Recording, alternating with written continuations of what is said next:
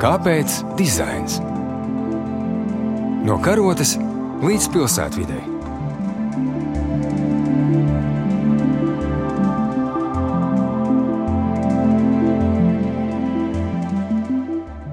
Labdien, klausītāji! Klasikas studijā ir Ilza Martinsone, Latvijas arhitektūras muzeja vadītāja, un uz sarunu es esmu aicinājusi arhitekti Mariju Katrīnu Dāmbi.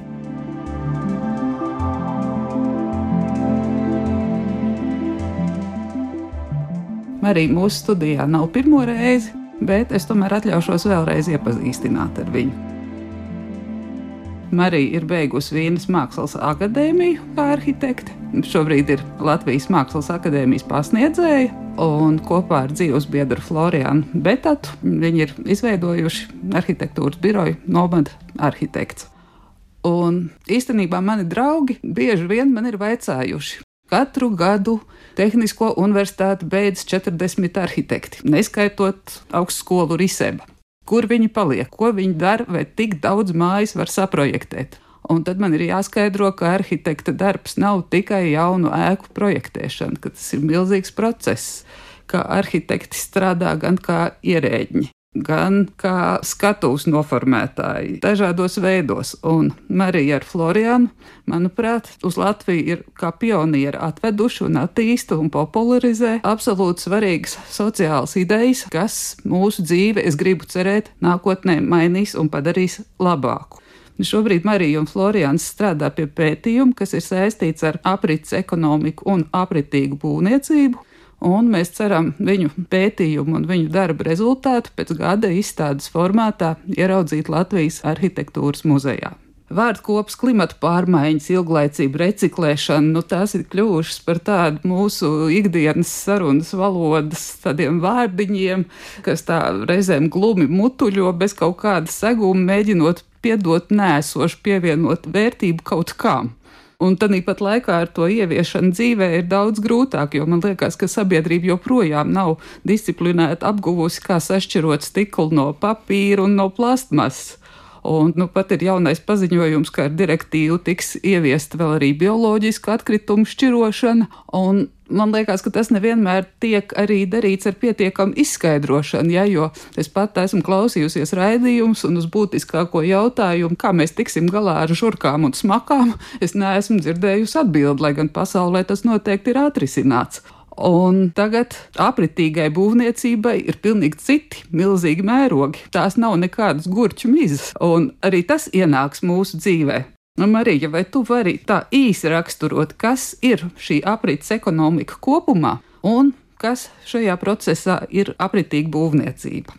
Nu jā, es diezgan piekrītu tam, kas ir minēts, ka jau tādā nu, ikdienas sadzīves līmenī mums ir grūti saprast, kā to visu atrisināt, no kura gala sākt. Tad mēs pieķeramies tādam procesam kā būvniecība, un tas ir daudz sarežģītāks ar daudz vairāk iesaistītajām pusēm, kur katrai ir sava atbildība, un brīžiem viņas pārklājas, un brīžiem atkal neviens nespēja izšķirot, kuram tad par to ir jāuzņemas tā atbildība. Pat ja mēs skatāmies tādu aprits ekonomiku, man patīk parasti atgriezties pie tā saucamās bezatkrituma piramīdas. Varbūt bieži būs klausītājiem dzirdēts teiciens par reduce, reuse, recycle, kas ir samazini, izmanto atkārtot un pārstrādā. Bet tad, kad mēs ar savu biroju cenšamies par to skaidrot, mēs pieliekam klāt vēl uh, divus vārdus. Viens ir uh, refuse, tā kā turpinot ar to ar burtu, kas ir uh, izvairīties, un eh, vēl vienu kā augstāku pakāpi, kā respektu.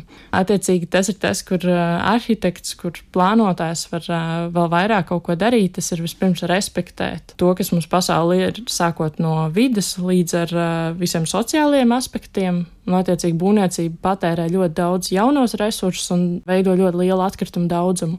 Un mums, kā projektētājiem, ir sava veida atbildība, jo tas, ko mēs uzzīmējam uz papīra, nu, kaut kādā mirklī, tad vai nu tiek paņemts no šiem jaunajiem resursiem, vai pēc tam kļūst par tiem atkritumiem. Tad, jā, vispirms tas ir respekts, un tad ir izvairīšanās no, nu, teiksim, tā, nebūvēt to, ko nav nepieciešams būvēt, un varbūt ar gudrām plānošanas idejām un tam līdzīgi spēt vietas pārplānot, pirms mēs vispār ķeramies pie lielāka būvniecības mēroga. Un tad, ja jau mēs aizējam pie tās būvniecības, nu, tad vispirms izmantot visu, kas mums ir, izmantot uz vietas, tātad esošo ēku, sākot no mēbelēm, beidzot ar apdari, varbūt mēs to varam vienkārši pārorganizēt citādi esošajā ēkā. Ja tas nedara, tad to visu varbūt piedāvāt uz citu objektu izmantošanai, vai arī atkal otrādi, kad mēs kaut ko attīstam no jauna vai pārveidojam, mēs varbūt no citurienes varam paņemt šos te resursus, kas jau ir kādreiz tikuši izmantoti uz mūsu objektu. Un tad, ja tas nav iespējams, nu, tad mēs sākam runāt par pārstrādi, par visiem šiem aspektiem, bet tur ir ļoti svarīgi saprast, mēs bieži par pārstrādi domājam, ka rezultātā, nu, teiksim, standarts būtu, mums ir ķieģeļi vai betons, un tad mēs viņus sasmalcinām, nu, mēs esam pārstrādājuši, un tad to izmanto tālāk, piemēram, ceļu būvē. Bet tajā mirklī mēs faktiski esam jau pazeminājuši tā materiāla kvalitāti un iespējas lietot. Un, ja mēs runājam par pārstrādi, nu, tad vispirms mums būtu jāskatās, lai mēs iegūstam vienādas vai līdzīgas kvalitātes produktu vai materiālu gala rezultātu. Un tikai tad, kad tas nav iespējams, nu, tad jau ejam zemāk, un tad jau aiziet visi tie nākamie soļi.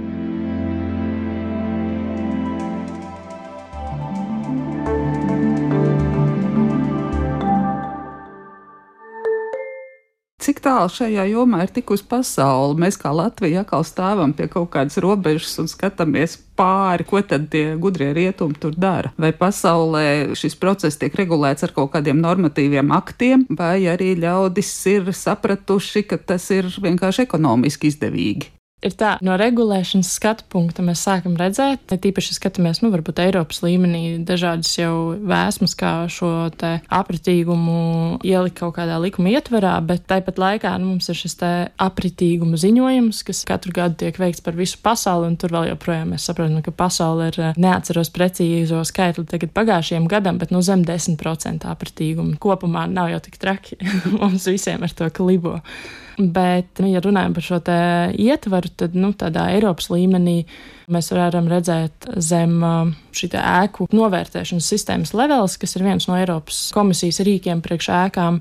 Tā ietvaros jau mēs redzam diezgan specifiski prasības, kuras attiecās uz tieši ēku apritīgumu, gan jaunu projektēšanu, gan izmantojot kaut ko jau no esošā, nu, gan dažādi šie aspekti. Bet, protams, tas ir brīvprātīgs rīks. Bet, nu, jau ir izstrādāts faktiski, un tas ir diezgan skaidri tēmēts uz arhitektiem. Jo tie jautājumi, kas ir jāatbild un kur ir jāspecificē, tie ļoti konkrēti iet kopā ar projektēšanas stadijām, ar, ar plānošanas stratēģijām un tam līdzīgi. Līdz ar to nu, tā atbildība ir diezgan tieši uz arhitektu. Tad mēs redzam arī ir jau esošs ISO standarts, tas ir no 2020. gada, kas ir uh, dizains demontāžai un pielāgošanai, kur ir jau aprakstīti, nu, sākot no likumdošanas puses kaut kādi aspekti, bet tālāk jau gan projektēšanā principi, gan eh, dokumentācija, kur būtu jāsaglabā priekš ēkas, lai jānodod tālāk, kā tā jādara. Latvijā ir eh, zem eh, Latvijas valsts standartiem šis standarts ir iekļauts attiecīgi jau pašvaldībām, ir iespēja uz to atsaukties, teiksim, iepirkumos. Un tad pavisam, pavisam svaigs ir no Vācijas DIN standarts, kas ir vācu standarti, par ēku apsekošanu pirms nojaukšanas, jeb demontāžas, tā lai materiālus identificētu un varētu izmantot vēlreiz. Un tur jau ir ļoti specifiski teiksim, tā, prasības, kā kategorizēt katru materiālu, ko mēs atrodam, kā to dokumentēt un pēc tam nodrošināt, lai tas turpinātu faktiski savu dzīvi jau kādā citā ēkā, nevis dotos uz atkritumu laukumu un pēc tam kaut kur tālāk. Nu, īstenībā man sīki priecē, ka šis process tomēr mazliet pēc maniem novērojumiem notiek arī no apakšas. Jo es atceros, kādreiz ejot pa ielu, es redzēju šos te būvniecības pasūtītos konteinerus, kad kārtējo Rīgas centra cara laika ēku pārbūvē kāds pārbūvē dzīvokli un met ārā konteinerā starpsienu dēļus, kas ir simt gadu veci, kuriem ir īstenībā milzīga vērtība kādam citam, kas protezē kaut kādu vecu koku ēku, un šie dēļi tā kā aiziet vai labākā gadījumā malkā vai atkritumos bet pēdējā laikā sociālajos tīklos iedzīvotāji sāk viens otram piedāvāt. Ir grupas, kur dod lietas par velti, un es ļoti bieži redzu, ka šādas lietas tiek piedāvātas un arī pieprasītas. Tas process nav tikai no augšas institucionāls, bet mūsu sapratne aug. Bet, Marija, vai tu vari pastāstīt, vai ir kāds bezgalīgi skaists pasaules piemērs, kurš būtu uzbūvēts no šādiem otrais lietotiem materiāliem? No tādiem no skaistiem pasaules piemēriem piemēriem man liekas, ir grūti minēt tādu vienu, kur nu, katrā solī būtu šie otrreizējie materiāli. Jo, protams, visās valstīs mēs saskaramies ar tām grūtībām, kas ir pie likumdošanas, kad kā mēs pārbaudīsim nesošās konstrukcijas, vai tās varam otrreizē izmantot visu šī materiāla drošības certifikāciju un tam līdzīgi. Bet pēdējā laikā diezgan aktīvi mēs varam redzēt Dānijā no Lendāgara arhitektiem vairākus projektus, kuros gan nesošajās, gan nenesošajās konstrukcijās parādās šie otrreizie materiāli. Nu, viens tāds, manuprāt, ļoti uzskatāms savā estētiskajā veidolā ir viņu projekts, nu, tā teikšu, angliski resource rose, jeb resursu rindas, kas ir ēka, kuras fasādē ir atkārtot izmantot ķieģeļi no citām ēkām, bet kas tajā ļoti spēcīgi, nu, tā tiek manifestēts, teikt, Viņi izmantoja ķieģeļus no tādām ēkām, kurām faktiski viņus demontēt nevar. Tātad tur ir izmantota cementa jāva, un viņi nav atdalām viens no otra, nu, kas ir pretēji mūsu vēsturiskajām metodēm, kur ar kaļķi jāvu mēs varam atdalīt ķieģeļus, vai nu, pat mālu izmantojot, savienojot tos, mēs varam atdalīt. Ar cementu ir tā, ka tas ir cietāks nekā pats ķieģelis, un kad mēs to cenšamies atdalīt, tad ķieģelis saplīst, savienojums paliek ko viņi darīja. Viņi citu ēku fasādes grieza ārā lielos fragmentos, un tad vēlreiz lika kopā šo pašu cementu jāvu, nu tāda kā puzle no citu ēku sienām uz esošās ēkas. Jā, ja klausītāji paskatās internetā, viņi diezgan ātri var atrast un tādā pilsētvidē manifestē šo domu. Reāli lieli ēku elementi ir salikti vēlreiz šajā jaunajā ēkā. Bet uh, grūti minēt tāds piemērs, jā, kur viss nāktu no vienas ēkas un kopīgi dotos nākamajā ēkā, un tad vieglāk ir skatīties varbūt uz šiem apratīgajiem materiālu centriem, kur mēs vairāk redzam ienākam šos materiālus, un tad jau nu, arī Centrāla Eiropā, gan Beļģija, gan Vācija ar šādiem centriem diezgan jau pilna. Mums tagad pirmais Latvijā parādījās. Redzēsim, kā tas attīstās. Nu, protams, vajag vairāk nekā vienu un vairāk nekā desmit, lai tas reāli spētu notikt un, un būtu pieejams iedzīvotājiem. Bet ir kaut kāds objekts, kas ir pionieris Latvijā. Es zinu, ka Dāļas teātris, nu pat jau slavenajā laukumā, kas ieguva gada skatē lielo balvu, ir laukuma segumā izmantot vecie materiāli, vai ir kaut kas vēl? Kas būtu saulītē ceļams. Jā, tas bija viens no pirmajiem, ko es gribēju tieši minēt, kas ir ļoti pieejams un katram redzams. Vēl ir no samplinga arhitektiem Brūzes manufaktūra, nu tur ir kopā apvienotas divi aspekti. Viens ir jau esošās ēkas un pat varbūt tādas, kas pirmajā mirklī cilvēkiem nešķiet kā, nu, teiksim, saglabājumi, bet viņas atkārtot izmantošanu kā veselas ēkas, bet, nu, klāt tur ir interjerā no iekārtojuma, ir arī šie te otrreizēji materiāli mēbeles un, un apgaismā, kas tomēr tāds labs piemērs. Nu, jā, bet diezgan maz to piemēru. Jā, bet ļoti interesanti, ka tieši tie ir ieguvuši gadu balvas. Varbūt, ka tur ir kaut kas, jā. varbūt netīši, bet jaunās domāšanas kaut kāds virziens iešifrēts. Es domāju, ka tas diezgan labi parāda, nu, šie arhitekti ir diezgan veiksmīgi, varbūt to parādījuši to citu pieeju, jo bieži cilvēkiem, kad runā par aprits ekonomiku, priekšstats veidojas no mazdārziņiem, un šī estētika, kas ir ļoti specifiska. Savukārt šie divi projekti, manuprāt, nu, apmaina to pilnīgi pretēji, un mēs redzam, ka varam ļoti arī tādu kvalitatīvu pilsētu vidi būvniecību redzēt šajā aprits ekonomikas skatu punktā.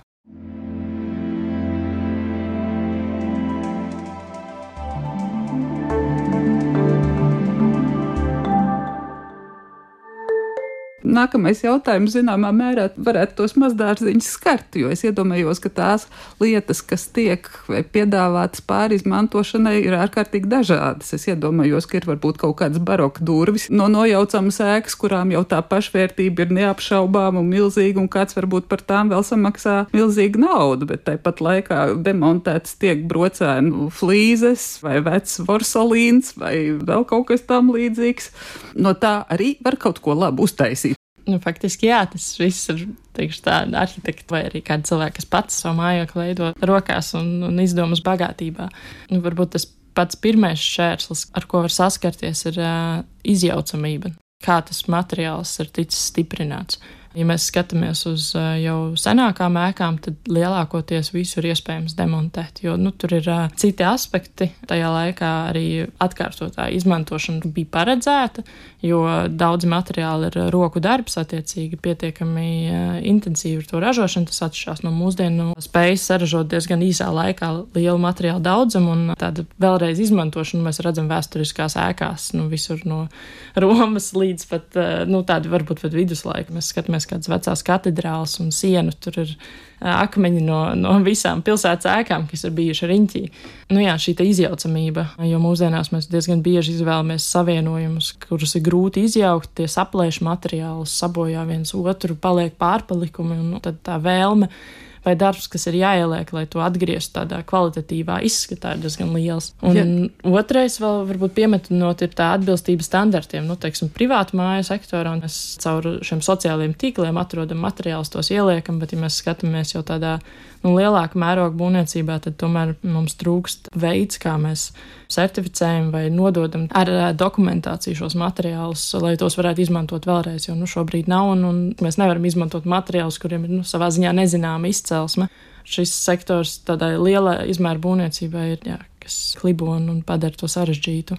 Jā, tas tavs stāstījums par to vēsturisko pieredzi man atsauc atmiņā dažus piemērus. Tiešām cilvēki jau visos laikos ir bijuši praktiski, un ne jau varbūt domājot par nākošām paudzēm un par ekoloģiju, bet vienkārši par ekonomisko izdevīgumu. Un es īstenībā pavisam nesen saskāros ar faktu, ka, nu, droši vien klausītājiem ir zinām lielie Ulmaņa vecrīgas nojaukšanas projekti. 30. gados autoritārismu periodā, ko mēs uz šodien uzskatām par lielu vardarbību, bet izrādās, ka šie materiāli ir izmantoti un izmantoti, piemēram, tā laika moderno ēku celtniecībā. Es pati dzīvoju netālu no Zaubes ielas, kas ir apbūvēta visa ar 30. gadu arhitektūru, un tur ir ēkām neticami biezas sienas, jo īpašnieki ir dabūjuši daudz laba materiāla un uzstādījuši kāpiņu telpā pat vecās 19. gadsimta vitrāžas, par ko man nebija ne mazākās nojauts. Un man liekas, ar šo mēs varbūt nonākam pie tā mūsu pēdējā jautājuma, ko es Marijai gribēju jautāt. Izstāde arhitektūras muzejā būs ar tādu īpašu tēmu - donoru ēkas, un tas ir pētījums, pie kā Marija ar Florianu pašlaik strādā par ko būs izstāde, vai tu drusku vari pavērt aizskaru? Jā, tā tēma tam visam nāk no nu, tāda, varbūt mūsu ikdienas darba, ko mēs saskaramies, un nu, starp to likumdošanu, tad saprašana, ka mēs kaut ko nevaram izdarīt, un tad mēs cenšamies projektēt ēkas, nu, tomēr no jauniem materiāliem, un tā, lai viņas nākotnē varētu izjaukt. Un šeit tā doma ir varbūt sākt tādā atpakaļ gaitā, nu, nevis domājam par nākotni, bet varbūt tajā beigu stadijā, sākt būvgrūžu laukumā un saprast, kas tur ir atrodams. Faktiski kartēt tos dažādos materiālus un elementus, ko mēs tur varam atrast, un sākt izvērtēt no tādas vērtības priekšstata tieši šis, kas bija par, eh, ja mēs skatāmies uz antīkiem objektiem, mēs tiem saskatām vērtību, tad tur ir eh, kaut kāda cita, nu, varbūt gan sentimentāla, gan vēl kaut kāda, nu, salikums kopā, kur dēļ mēs esam gatavi maksāt kaut ko vairāk, lai to iegūtu. Tad ir varbūt kaut kas, kas ir, eh, nu, mums nav starpība, ja mēs ēkā tāpat konstrukcijās kaut kur iekšā neredzam to materiālu, nu, vai viņam ir kādas skrambas vai nē, diezgan vienalga, un ja tas līdzvērtīgi maksā, tad mums nebūtu starpība. Un tad ir kaut kas, ko mēs vēlētos ņemt, tāpēc, ka tas ir lētāks vai izdevīgāks. Bet tad, nu jā, tā doma ir nokārtēt to, ko mēs tur varam atrast un sākt strādāt ar to priekšstatu, kas ir sabiedrībā un kas ir būvniecības nozares profesionāļiem, un kādi ir šie viedokļi par to atrasto materiālu un kā tas būtu bijis varēts izmantot. Nu, tādā atpakaļ gaitā, ko mēs jā, citos teiksim, projektos nevaram izdarīt, kad ir jātop jaunai ēkai, nu, tad mēs ķeramies pie tā, labi, kā mēs viņu varētu izjaukt nākotnē, bet šajā ir tāda nu, viedokļa maiņas vai nu, jautājumu uzstādīšana no tā, ko mēs esam izmetuši un kas no tā būtu bijis vērtīgs. Marija, paldies tev par sarunu. Es jau tagad ar nepacietību gaidu izstādi, kur pēc gada ir plānota arhitektūras muzejā. Klasikas studijā bija Ilze Martinsone un Marija Katrīna Dambe. Raidījums ir tapis ar valsts kultūra kapitāla fonda atbalstu.